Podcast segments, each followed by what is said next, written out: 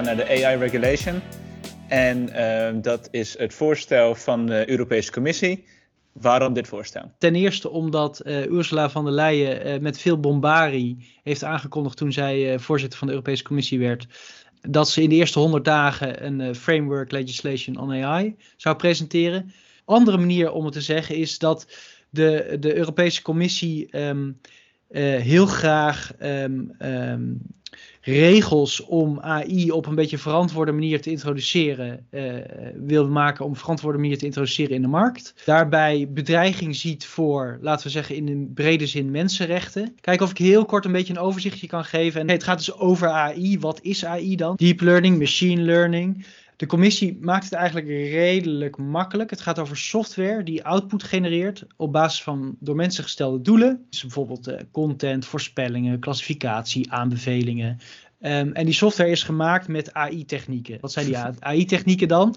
Dat is eigenlijk alles wat je in brede zin onder AI-technieken kunt vatten. Dus dat zijn statistische methodes. Um, je doet een regressie, uh, een logistische regressie. Daar komt een klassificator uit. Uh, die gebruik je. Uh, machine learning, expertsystemen, beslisbomen.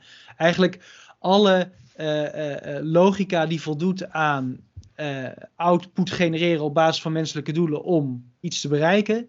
die valt daar dan onder. Oké, dat is AI.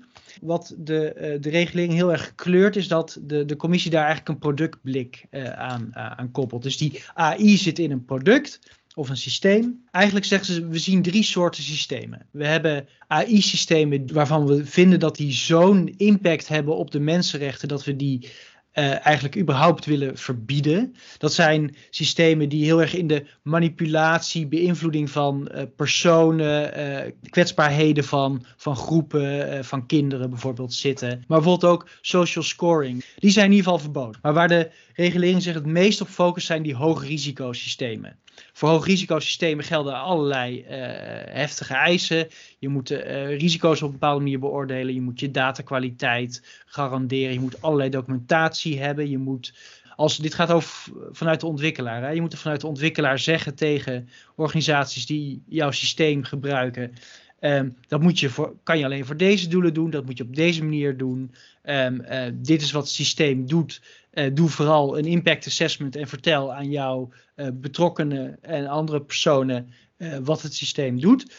En dat geldt dus voor systemen die als hoog risico worden geclassificeerd. En dat zijn in ieder geval producten die al gereguleerd zijn in de Europese markt. Dus dat zijn bijvoorbeeld liften, medische apparaten, vliegtuigen, boten, auto's, uh, echomachines, uh, dat soort dingen. maar ook andere veiligheidscomponenten, biometrische identificatie, biometrische surveillance die ongericht in de publieke ruimte gezichtsherkenning doet, die is helemaal verboden. Dus toepassingen um, die selectie en beoordeling doen in de HR-sfeer, dus assessment van nieuwe bij vacatures, ontsluiten van vacatures aan bepaalde mensen, maar ook bijvoorbeeld uh, beoordelingen van je, van je medewerkers vallen daaronder. En dat geldt ook voor uh, onderwijsorganisaties. Dus automatische fraudedetectie, selectie van studenten voor een bepaalde studie, een beetje die hoek. En dan ook nog een categorie toegang tot essentiële diensten. En essentiële diensten is eigenlijk de brede zin. Dus dat zijn dingen waar je als mens uh, die als mensen noodzakelijk zijn om in je, in je, in je levens, uh, leven te voorzien. Dus bijvoorbeeld toegang tot een lening. Dus uh, kredietbeoordelingen zijn ook hoog risico. Maar ook toegang tot sociale zekerheid. dat soort dingen. En dan nog allerlei domeinen binnen de overheid. Dus de rechtsketen, um, asiel, hulpdiensten. Um, systemen die bijvoorbeeld politieagenten naar een bepaalde plek laten, laten gaan of, of een ambulance uitsturen. Dat zijn hoogrisicosystemen. En dan heb je nog eigenlijk heel veel andere AI-systemen die helemaal geen hoog risico hebben. Die zijn ook helemaal, helemaal geen impact op, uh, uh, op, op, op rechten van mensen. Of in ieder geval niet zoveel. En daarvan zegt de commissie: oké, dan moeten uh, mensen in ieder geval weten dat ze in aanraking zijn met een AI-systeem als dat gebeurt. Dus als je bijvoorbeeld een chatbot hebt, moet je weten dat het een chatbot is. Tenzij dat super duidelijk is. En eh, als laatste nog interessant is natuurlijk ook afgelopen jaren best wel veel over deepfakes gehad. Daarvan moet nu ook gemeld worden dat eh, media gemanipuleerd is.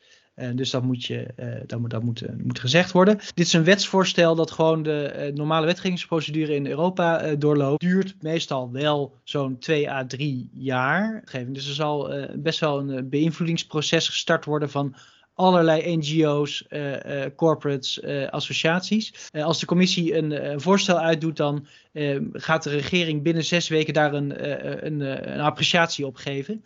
Dus over zes weken weet de Tweede Kamer en wij dus ook wat de Nederlandse positie wordt op dit, op dit voorstel. En dat is natuurlijk dat is heel interessant. Dat is de, de wet in een, in een notendop. Wat was jouw mhm. eerste reactie toen je dit las? Ja, toen ik de regulation zag, dacht ik uitgangspunten goed manier om het aan te vliegen ook wel goed, denk ik. Uh, moet ik langer over nadenken, maar denk ook wel goed. Uitvoerbaarheid. Poeh. Wat, wat het uitgangspunt eigenlijk van de wet is. Hè, dat, het, de, ook zeg maar de vraag uh, van, van, van Kawing aan, aan het begin van waarom hebben we die AI-regulation. Eigenlijk is het zo dat uh, computers gaan steeds ingrijpender beslissingen nemen over mensen. En maken daar heel veel fouten in. Uh, en die fouten komen meestal door mensen die dat hebben gemaakt. En uh, we, willen geen, uh, we willen niet dat die algoritmen rare dingen doen. Er moeten eisen worden gesteld aan de toepassing en aan de manier waarop die toepassing wordt gemaakt. De EU gewoon een soort van morele streep in het zand zet van dit vinden wij gewoon acceptabel. Dit is niet verenigbaar met de normen en waarden van de Unie hè, en het, het handvest van grondrechten.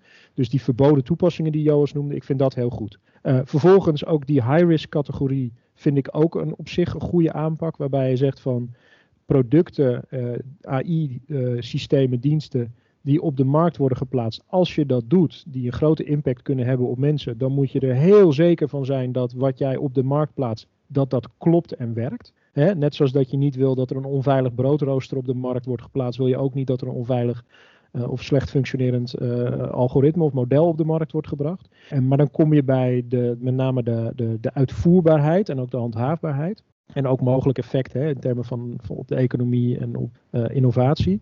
Is ze hebben gekozen voor uh, hetzelfde systeem eigenlijk als uh, bij die producten die Joost noemde. Hè. Dus de, de, de, de vliegtuigonderdelen, de liften, het speelgoed enzovoorts. Dus daar moet een CE-keurmerk op. Dus dat betekent voordat jij een product op de markt plaatst in Europa, moet jij een conformiteitstoets doorlopen. Dus jij moet aan laten tonen en voor uh, die producten uh, die Joas net noemde, uh, wordt dat gedaan door een derde partij, dus als het ware door de toezichthouder. Die gaat controleren of wat jij hebt gemaakt en hoe de manier waarop jij dat product tot stand laat komen, of dat volgens de regelen der kunst is gegaan. En dat product dus veilig op de markt kan worden gebracht. Als dat zo is, dan krijg je een CE-keurmerk en dan pas mag je de Europese markt op met je product. Nou, dat gaat dus ook voor AI gelden. Jij mag niet een high-risk AI-systeem op de markt brengen als je niet zo'n ex-ante toets hebt gedaan, zo'n ex-ante conformity assessment. Voor de, uh, de zogenaamde Annex 2 uh, eh, high-risk systemen, dus dat zijn de eerder genoemde uh, liften, medische apparaten enzovoorts, moet dat gebeuren door een derde partij.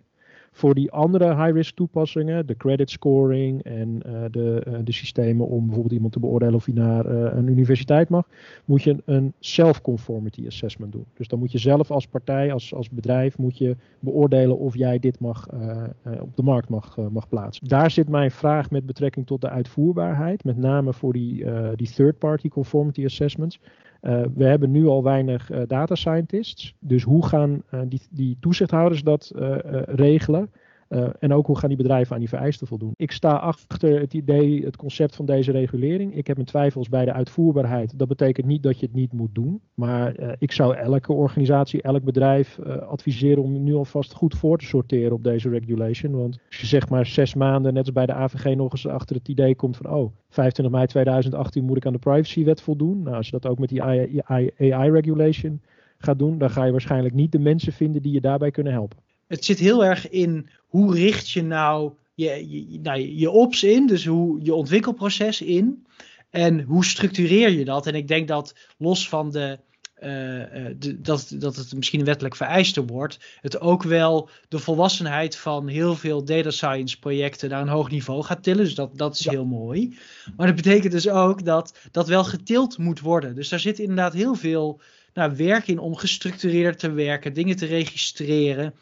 Zoals Bart net zegt, er wordt ook verwacht dat je een, post-market monitoring system optuigt, waarin je dus nou ja, op de een manier antennes uit hebt staan, laat ik het maar zo plat beschrijven, dat je nieuwe risico's tegenkomt die je nog niet hebt gezien. En als je die ziet, dan zitten er allemaal verplichtingen aan. Die moet je uh, doorgeven aan de gebruiker als provider, dus aan de organisatie die je algoritme inzet, maar ook aan de toezichthouder.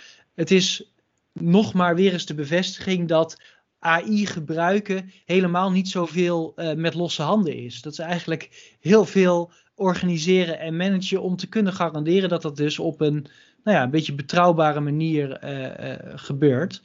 En dat vind, ik, dat vind ik persoonlijk wel heel mooi. Je ziet wel dat de Mhm. commissie geluisterd heeft naar heel veel zorgen. Ik denk dat het nu inderdaad zaak is om weer te zorgen dat die balans gevonden wordt tussen zorgen en werkbaarheid. Als het niet werkbaar is, als het niet voor bedrijven een beetje te doen is, dan zal een deel te laat beginnen, er nog niet aan beginnen, eh, er maar van afzien. En de commissie identificeert ook heel veel kansen voor AI. Dus we hebben ook een belang, denk ik, om te zorgen dat dat, dat, dat echt werkbaar is. Zonder in, in, te, eh, in te leveren op de bescherming van mensenrechten. Want dat is natuurlijk dat is heel duidelijk het, eh, eh, het kader. Maar dan moeten we dan wel kunnen waarmaken. En dat is, dat is wel iets waar ik denk van, nou, begin nu maar met het uitbreiden van je AI-opleidingen. Begin nu maar met het inrichten van wat Joost inderdaad zei, je, machine learning ops als organisatie. Want als dit er is, dan, eh, ja, Ja. dan gaat er wel een hele hoop op mensen afkomen. Alle systemen die nu al, waar al mee gewerkt wordt, wat moet daarmee gaan gebeuren? He- hele goede vraag. Eh, daar is eh, geen duidelijk antwoord op in eh, de regulation. Maar waar, wat, dat is eigenlijk vergelijkbaar met de AVG. Hè. Daar was de vraag van, ik heb allemaal dingen gedaan voor eh 25 mei 2018. Moet ik daar allemaal een nieuwe DPIA voor doen? Ik denk dat het antwoord op die vraag voor de AI regulation nee is. Maar alles wat je op de markt hebt staan, zeg maar, per dat de regulation eh, van toepassing is en kwalificeert als een high-risk AI-systeem, moet zo'n CE-keur krijgen. Ja, je gaat ook discussies krijgen over, hè, moet er een algoritme-autoriteit komen of moet zeg maar elke bestaande autoriteit eh algoritme-kennis ontwikkelen? Ik denk dat het laatste veel verstandiger is, omdat die ook die conformiteitstoetsen Ja. moeten eh, gaan doen. Is er een one-stop-shop mechanisme? Poeh, dat is een hele goede vraag. Je moet aansluiten bij, eh, je, je, je moet aansluiten bij bestaande nationale autoriteiten voor die, eh, voor die goedkeuring. Dat, dat, dat zit er eigenlijk als het ware eh, automatisch in. En er is niet zoiets als een zeg maar, grensoverschrijdend effect dat bij wijze van spreken als jouw AI-toepassing in eh, Duitsland een probleem veroorzaakt. eh, dat dan de Nederlandse toezichthouder als eerste competent is of de Duitse. Dat heb ik in ieder geval nog niet. Ik heb er dan nog niet in detail naar gekeken. Maar die, die markt is gewoon op een andere manier gereguleerd via die nationale toezichthouders. Wat gebeurt er vanaf nu? Lobby. Heel veel lobby. Nee, wat, wat gaat gebeuren is nu dus wat Joris al vertelde. Hè, die, die twee sporen. Eh eh, Europese, Europese Commissie heeft nu zijn eigen gelegd. Dus het Europees Parlement gaat hierover onderhandelen met elkaar en tot een gemeenschappelijk standpunt komen. De Europese Raad gaat datzelfde doen. En die twee instituten die gaan als een bezetene belobbyd worden. Wat gaat er gebeuren? Er gaan allerlei partijen zijn die vinden dat hun toepassing, die nu high risk is of verboden is, toch niet high risk of verboden is. En er gaan allerlei partijen zijn die zeggen van wat daarin staat, die lijst is te kort. Hè? Dus de burgerrechtenorganisaties hebben aangegeven, wij willen gewoon een totaalverbod op biometrische identificatie. Punt. Eh, niet alleen voor deze specifieke kenmerken en deze specifieke uitzonderingen. Dus van allebei kanten gaat er op gelobbyd worden. En ik gok met name dus op die lijsten. Ik denk dat het systeem van die, die, die eh, conformity assessments en ook de, de, gewoon de praktische eisen die aan je inrichting van je AI worden gesteld, daar heb ik niet zo heel erg veel commentaar op gehoord. Maar het is met name, ik vind dat dit niet high risk is. Ik vind dat dat juist high risk moet zijn. Dit, dit raakt niet zeg maar alleen private partijen, hè, dus de, de, de, de HR analytics en credit scoring en dat soort toestanden. Eh, het raakt ook heel dicht aan de nationale veiligheid, met name dus de, de law enforcement kant. Hè. Dus er worden hele strenge eisen gesteld aan uh, ook uh, algoritmes die door de politie worden ontwikkeld. Die gaan vast ook vinden dat een, uh, het doorzoeken van een telefoontje en het koppelen met andere databases, dat, dat, dat er andere regels voor moeten zijn voor hen dan voor het bedrijfsleven geldt. Dus zowel aan de overheidskant als aan de bedrijfslevenkant zijn de belangen zijn enorm. Uh, en daarom gaat die, die, die lobby die gaat, uh, die gaat flink zijn. Dat, uh, dat verwacht ik wel. Ja, drie, vier, vijf jaar? Ja, ja. vier. vier. Oké. Okay. Ik hoop wat sneller. Ik hoop het ook.